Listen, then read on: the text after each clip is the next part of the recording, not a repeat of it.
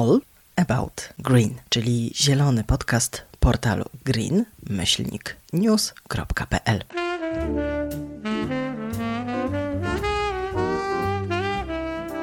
Tu znajdziesz najnowsze wiadomości o transformacji w energetyce, o OZE, elektromobilności, przemyśle, światowych trendach i tym, jaki mają wpływ na polską politykę i gospodarkę.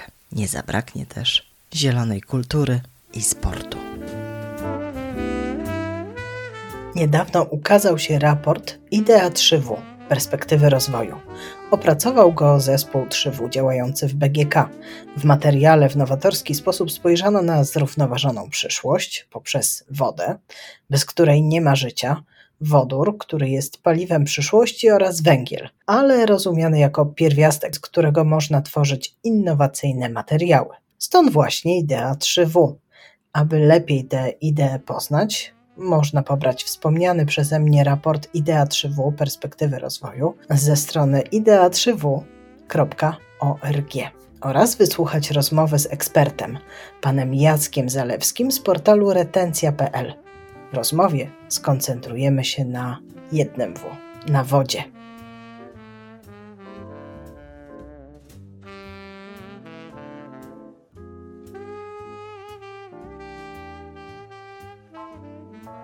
Państwa i moim gościem jest pan Jacek Zalewski, dyrektor działu realizacji projektów, absolwent Politechniki Krakowskiej Wydziału Inżynierii Środowiska. Dzień dobry. Dzień dobry. Idea 3W.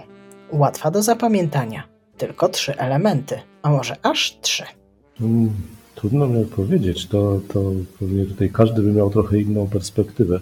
Ja myślę, że to są tak ogromne wyzwania, że nawet jeżeli uznamy, że tylko, to one są aż, tak? To, to, to każde z nich stanowi bardzo, bardzo poważny temat do, do rozpoznania. Myślę, że tutaj e, woda jest stosunkowo najbardziej nawet rozpoznanym, powiedziałbym, składnikiem, tą, którą, czyli zagadnieniem, którym ja się zajmuję. E, może to jest tylko kwestia pewnego zmiany podejścia, zmiany spojrzenia, innego myślenia o takim codziennym użyciu wody i, i także wykorzystaniu jej zasobów, ochrony tych zasobów.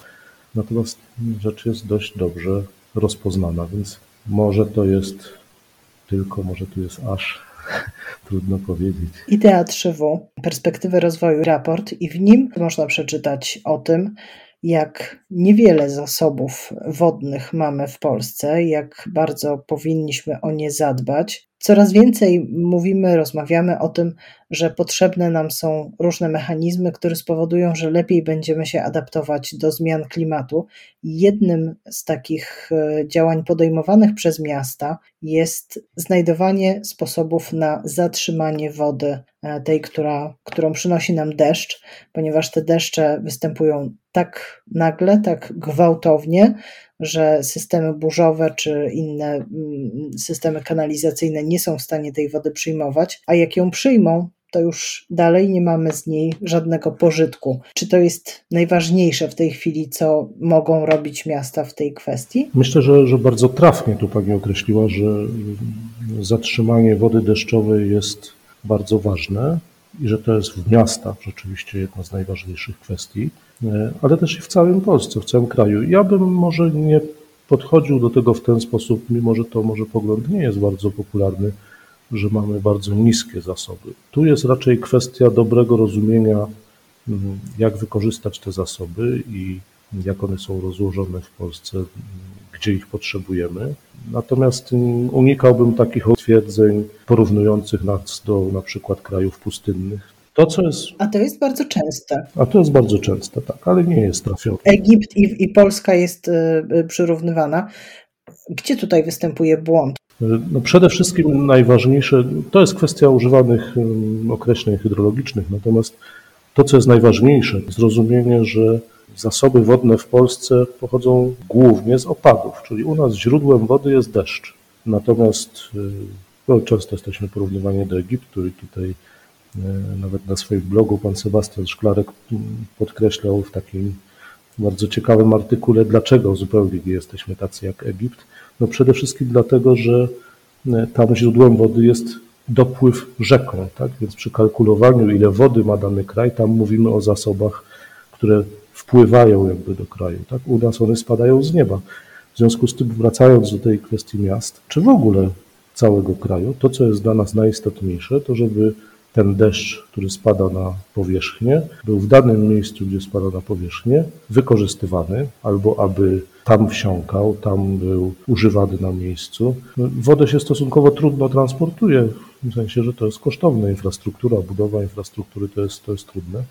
Natomiast potrzebujemy wody właściwie w każdym miejscu. Czyli musimy upowszechnić takie myślenie, że woda jest do wykorzystania w miejscu, gdzie spada ona z deszczem i zależy nam na tym, żeby ona stosunkowo później, albo wręcz jak najpóźniej, trafiła do odbiorników, do rzek, żeby albo na przykład przefiltrowała przez grunt, zasilając wody gruntowe, odnawiając zasoby wodne tam, chłodząc się, żeby chłodna dopłynęła do rzeki, a nie rozgrzana, prawda? Równocześnie, żebyśmy może po drodze umieli ją wykorzystać. Jeszcze fajnie by było parokrotnie, czyli zamknąć ten obieg, e, obieg wody w jakimś przemyśle, czy, czy w miejscach, które używają wody szczególnie dużo. W, we wspomnianym przeze mnie raporcie pojawia się taka nazwa stres wodny. I ten stres wodny dotyczy także Polski. Na tle Europy wypadamy dość blado, jeśli chodzi o zasoby wody pitnej na jednego mieszkańca. To powinno nas niepokoić? Czy rzeczywiście to powinno w, na co dzień w nas wywoływać pewien stres? Powinno nas niepokoić oczywiście, ponieważ mm, znowu związane jest to bardzo z tym, gdzie chcemy wodę wykorzystywać. To znaczy, ponieważ wodę wody potrzebujemy wszędzie, to oczywiście mamy takie miejsca, gdzie jest jej za mało, mamy takie miejsca, gdzie jest za dużo. Najfajniej by było mieć ten układ wyrównany. Stres wodny w danym miejscu zależy też bardzo od tego, jakie są potrzeby. Tak? Inny będzie stres wodny w miejscu, gdzie mamy tylko mieszkańców wykorzystujących 90 litrów na dobę, a inny będziemy mieli tam, gdzie mamy bardzo wodochłonny przemysł. To jest też bardzo chyba ważny aspekt myślenia o 3W, mm, czyli o tych, tej idei e, wody, wodoru, węgla, że przemysł jest na ogół wodochłonny. W związku z tym on będzie potrzebował większych zasobów i może to być limitujące nawet dla lokalizowania przemysłu w różnych miejscach w Polsce i jest bardzo często. Tak? Jak, jak do nas zwracają się inwestorzy i, i pytają prawda, o możliwości lokalizowania jakichś obiektów przemysłowych, stref przemysłowych, to bardzo często są dwa aspekty podnoszone. Po pierwsze, czy będziemy mieli wystarczająco wody wtedy, kiedy jej potrzebujemy, wystarczająco dużo?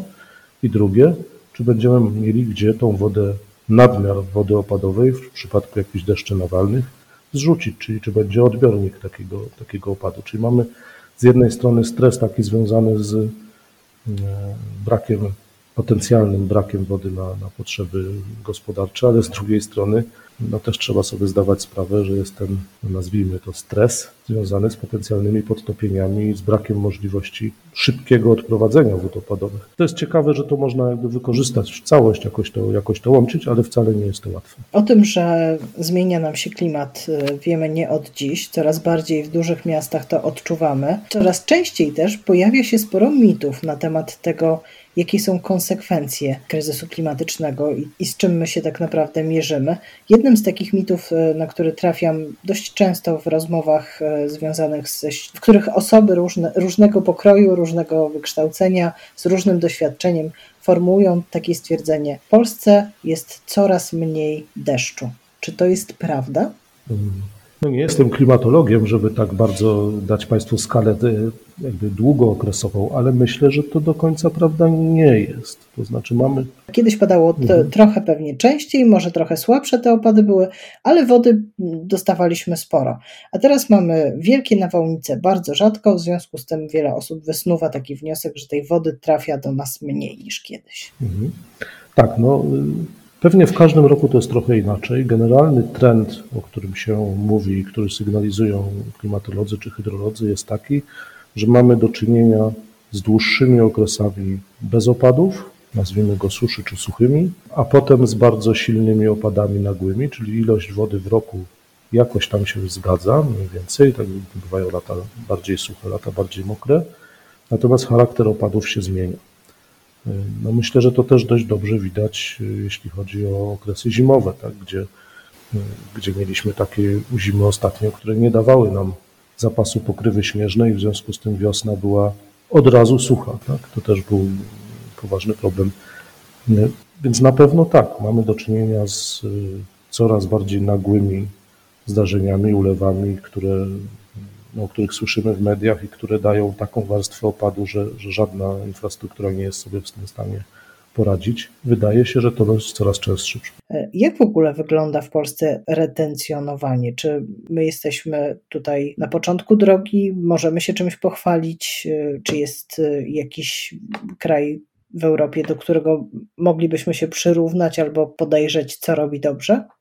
Ja myślę, że do tej, tej nowoczesnej takim podejściu, które, które mówi o powszechnej retencji i o retencji w krajobrazie, o retencji, tak można by powiedzieć, w każdym miejscu i w gruncie przede wszystkim, bo tam ta retencja jest największa, to te trendy to jest kilka, kilkanaście ostatnich lat, gdy przyszło takie zrozumienie, że żadna infrastruktura techniczna szczególnie ta wielkoskalowa, no nie może nam dać powszechności retencji, a więc jakby w powszechnym dla, dla, poprawy zasobów wodnych całego kraju jest po prostu nieskuteczna.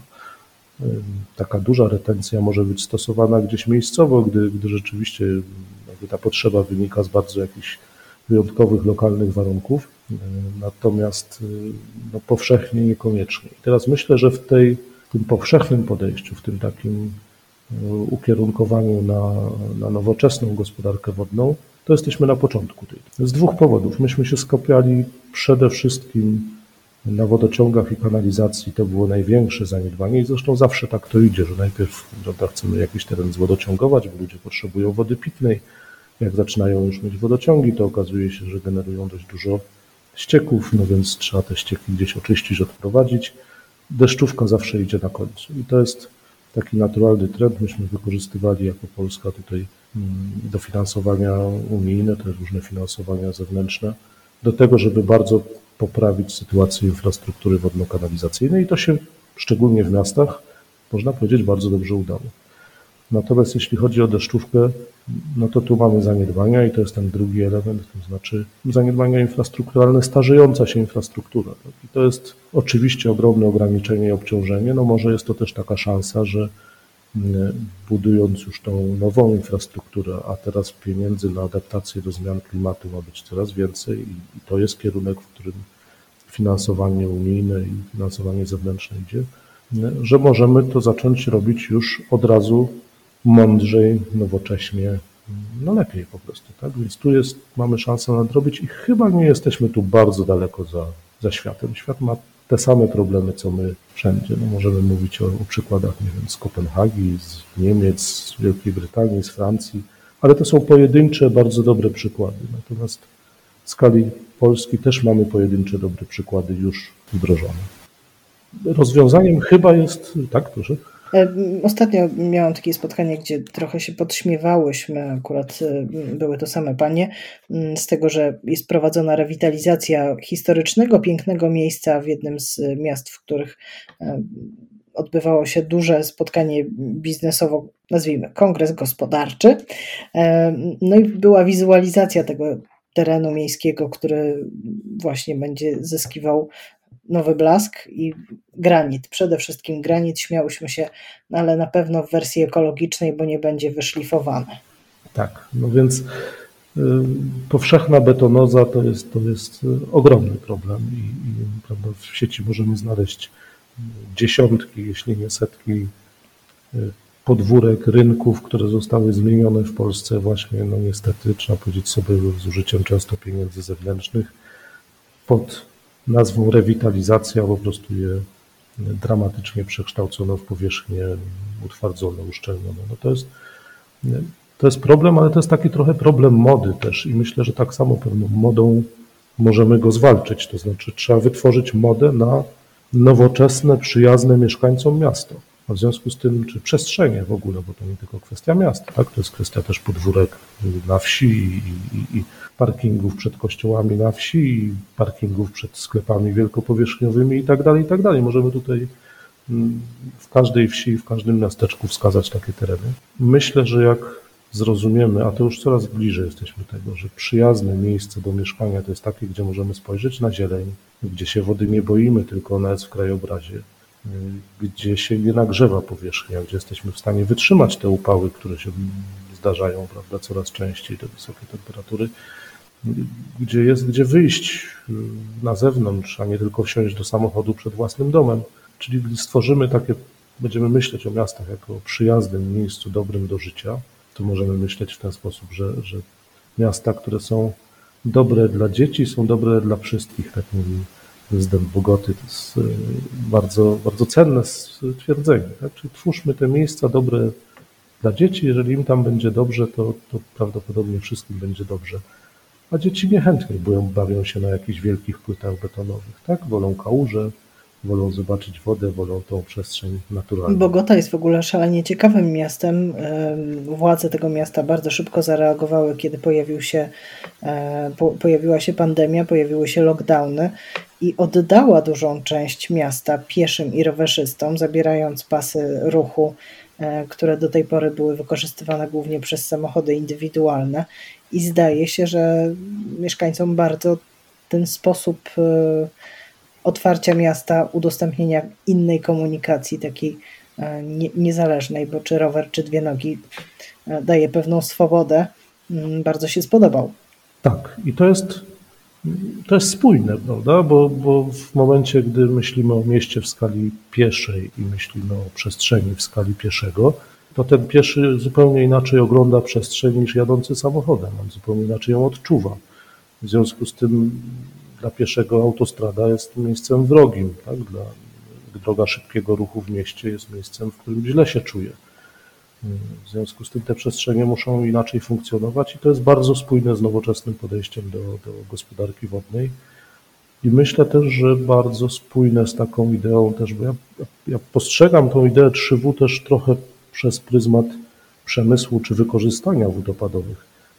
Więc myślę, że to jest też bardzo spójne, ponieważ no w miastach mieszkają ludzie, w miastach mieszkają pracownicy, w miastach mieszka kadra zarządzająca y, obiektów przemysłowych, tak? czy, czy tych, tych, tych, które często chcemy ściągnąć na dany teren do gminy, do, do miasta, żeby, żeby prawda, mieć korzyści z tego. I tu wytwarza się niewątpliwie konkurencja między ośrodkami miejskimi. Im lepsze będzie to środowisko do życia, tym chętniej będą ludzie chcieli w dane miejsce przyjeżdżać, lokować się tu i lokować także inwestycje, więc to jest, myślę, bardzo spójna i bardzo ważna idea. A co z szarą wodą, która dość często pojawia się mm, jako taka propozycja do tego, żeby mieć na przykład budując osiedle czy budując dom bardziej zrównoważoną inwestycję? Tak, szara woda, czyli ta, która już jest raz użyta powiedzmy w, w gospodarstwie domowym, czyli nie wiem, z pryszniców, ze zlewu, tam gdzie ona jest jeszcze potencjalnie nie tak mocno zanieczyszczona i można by ją gdzieś wykorzystać. To jest oczywiście bardzo dobry pomysł. W skali polskiej stosunkowo jeszcze chyba mało, rzadko stosowany.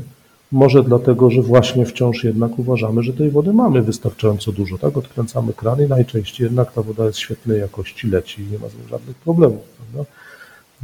Może woda jest jednak takim dobrem, za które jesteśmy gotowi zapłacić tyle, ile ona kosztuje, więc nie, nie jesteśmy tak silnie, tak mocno zainteresowani wykorzystaniem szarej wody.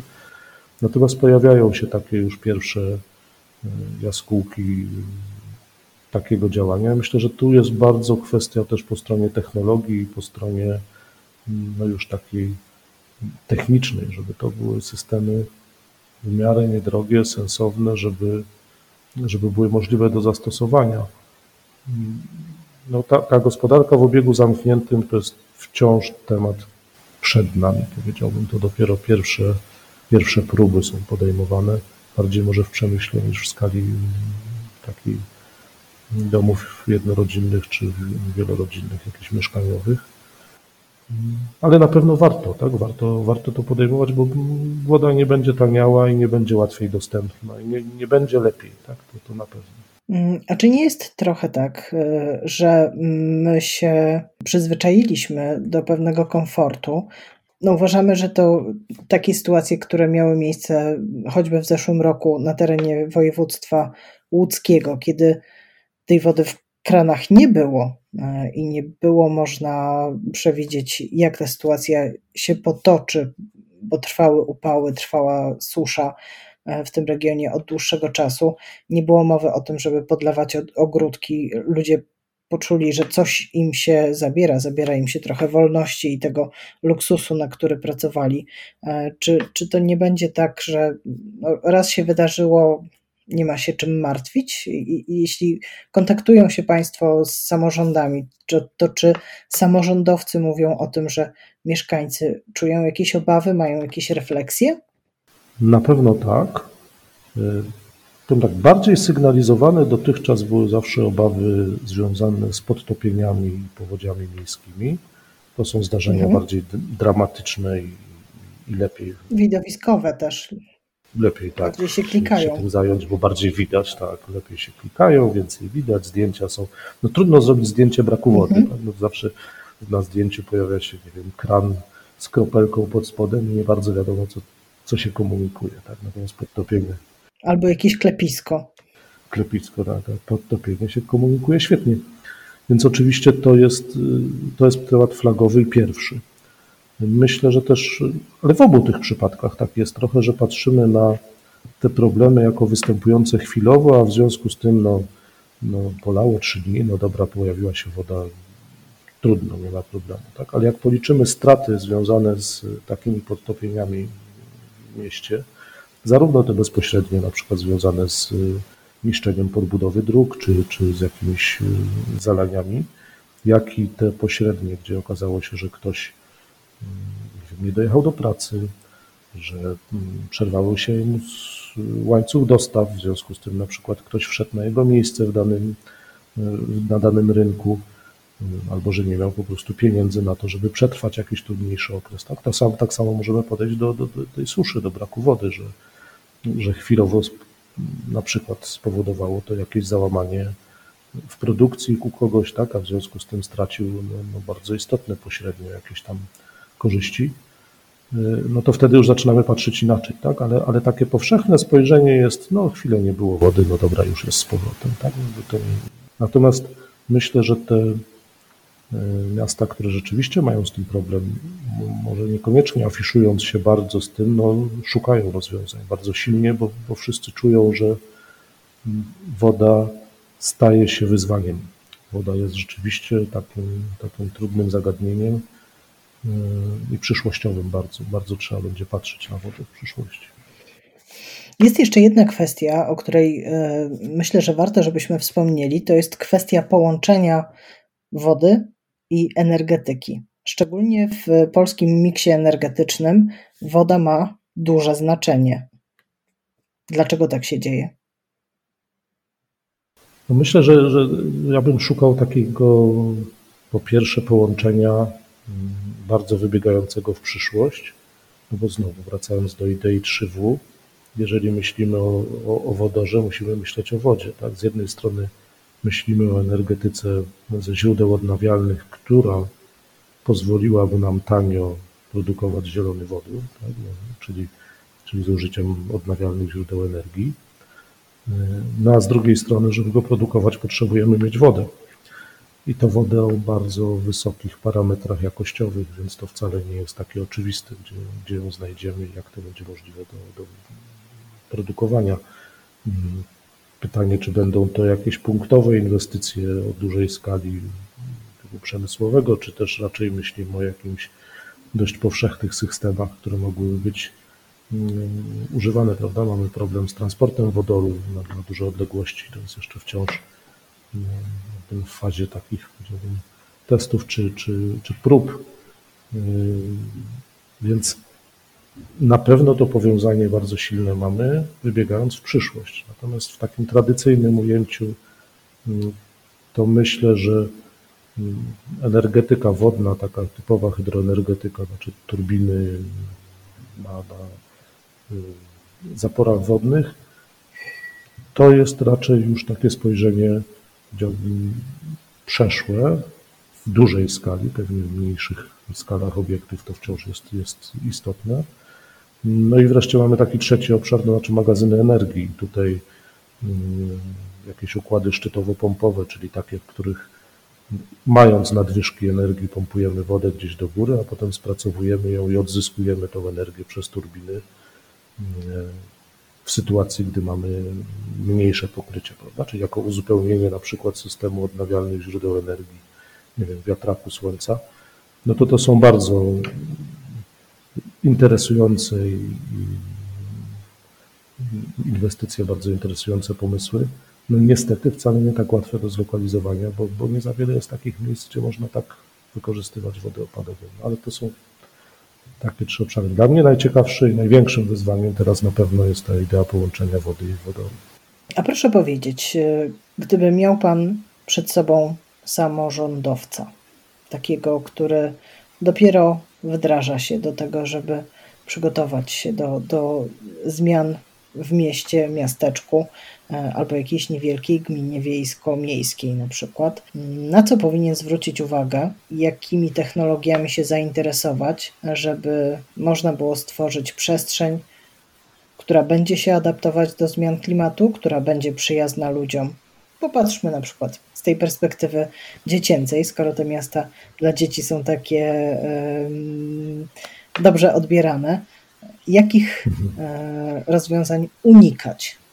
Ja myślę, że najpierw warto popatrzeć na, na obszar, którym się zarządza w takiej makroskali, czy powiedzmy rozpoznać w ogóle, jak działa cały system czy układ obiegu wody w danym mieście, gdzie mamy tereny zielone, czy w danym obszarze, gdzie mamy tereny zielone, mm, jakie są cieki, jak wygląda możliwość utrzymania wody na tym obszarze, czyli spowodowania, żeby ona jak najwolniej odpływała i żeby jak najdłużej była w obiegu w danym miejscu. I tutaj takie myślę, że trzeba stosować taką kolejność myślenia. Po pierwsze, nie uszczelniać terenu.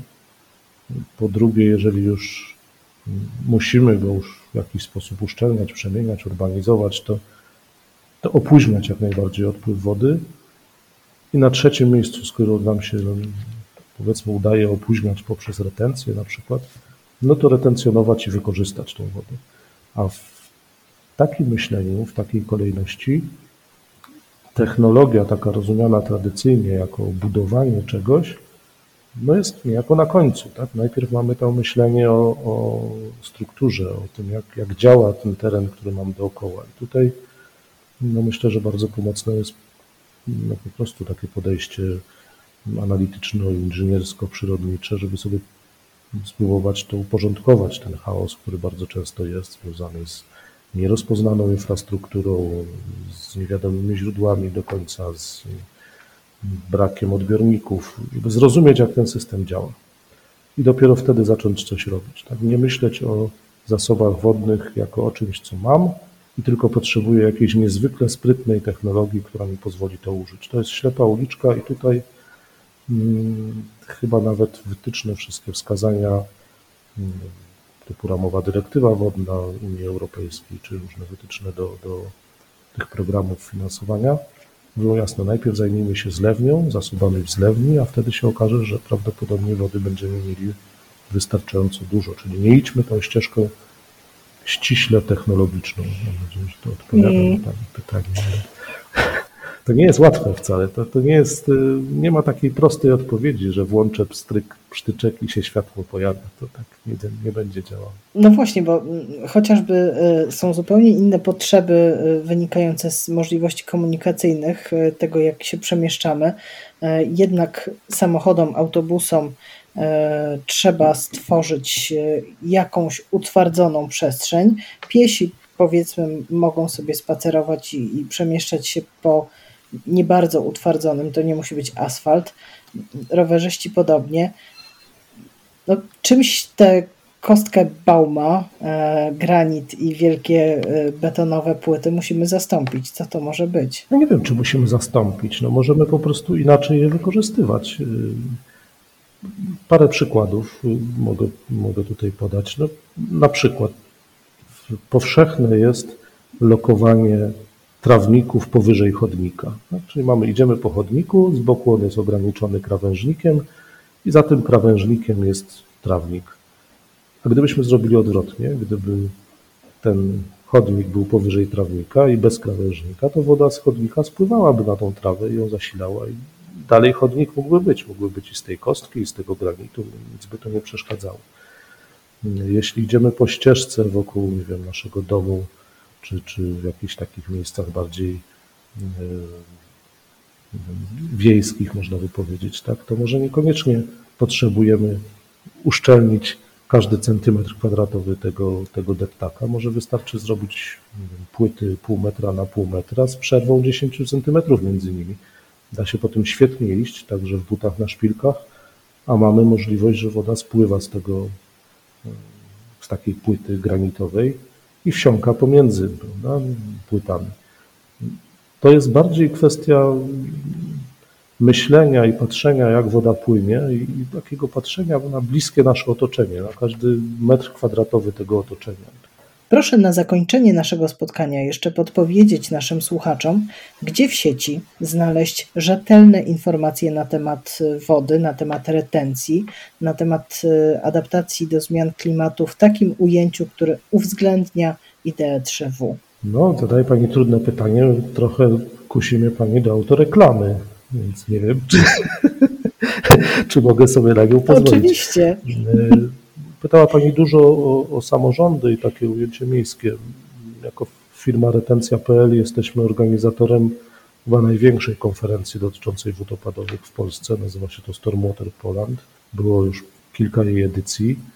Y, nagrania i, i informacje z tych wykładów, z tej konferencji są, y, są dostępne na, na YouTubie, można się z nimi zapoznać. Coraz więcej jest takich jest podcastów, coraz więcej jest y, y, kongresów, konferencji dotyczących y, wód opadowych i to na pewno jest dobre źródło informacji. Trochę jest taka sytuacja, że, że działamy w takim towarzystwie wzajemnej adoracji, to znaczy pewne, pewne osoby, pewne wykłady się powtarzają na różnych tych konferencjach, więc też bardzo nam zależy na tym, żeby to grono się rozszerzało. Myślę, że można korzystać ze źródeł zagranicznych. Tutaj takim przykładem może być Kopenhaga, e, mogą być, wystarczy chwilę pogooglować i znajdzie się dość dużo informacji.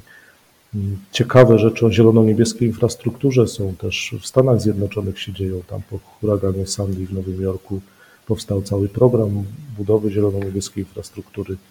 Bardzo ciekawe podejście, myślę trochę takie mm, też no, z innym rozmachem, może inaczej, inaczej niż, niż w Europie, ale warto się z tym też zapoznać. No wreszcie, tu znowu pozwolę sobie na pewną autoreklamę. Stworzyliśmy takie miejsce, portal, który się nazywa Waterfolder, www.waterfolder.com. I to jest myślę bardzo o tyle cenna inicjatywa, że jest ukierunkowana na projektantów i na eksploatatorów zarządzających systemami wód opadowych w miastach, czyli kanalizacją deszczową, retencją w miastach, gdzie mogą za darmo wejść i dokonywać najróżniejszych obliczeń systemów, dobierać rozwiązania, dobierać technologie, dobierać zbiorniki wodne, analizować możliwość wykorzystania deszczówki, dobierać rury itd. Tak to jest, myślę, rzecz, której dotychczas brakowało, bo mamy do czynienia z taką sytuacją, że mamy pewne normy, z drugiej strony mamy projektantów, którzy często zajmowali się wodociągami i kanalizacją. Mamy architektów, którzy o tym nie za wiele wiedzą i potrzeba było pewnych narzędzi i wytycznych, jak zrobić jakieś rzeczy, ale już konkretnie, praktycznie, jak wdrażać rzeczy. Mamy dużo przykładów takich spektakularnych, pięknych rozwiązań zielono-niebieskiej infrastruktury, ale stosunkowo mało wiedzy, jak praktycznie to zrobić. I tutaj trzeba szperać. No, no ten waterfolder jest jakoś odpowiedzią na część tych, tych, tych zagadnień. Bardzo panu dziękuję za to spotkanie i za tę rozmowę. Pewnie jeszcze będzie kiedyś okazja wypytać pana o kwestie cyfrowe, które mogą nam pomóc y, oszczędzać wodę i lepiej nią gospodarować, bo zdaje się, że to też jest ogromny w tej chwili obszar zmian, innowacji. Tak, no Digitalizacja branży wodkan y, na pewno się bardzo istotnie rozpoczęła. W wodach opadowych dopiero się zaczyna, a to jest na pewno bardzo przyszłościowy, przyszłościowy kierunek. To jest fajny, odrębny temat. Bardzo dziękuję za to spotkanie. Państwa i moim gościem był pan Jacek Zalewski, dyrektor działu realizacji projektów w retencja.pl A jeśli chcieliby Państwo lepiej poznać ideę 3W, odsyłamy Państwa do raportu Idea 3W Perspektywy Rozwoju ze strony idea3w.org. Dziękuję. Dziękuję bardzo. Rozmawiała Agata Rzędowska. Ten podcast został przygotowany w oparciu o materiały partnera.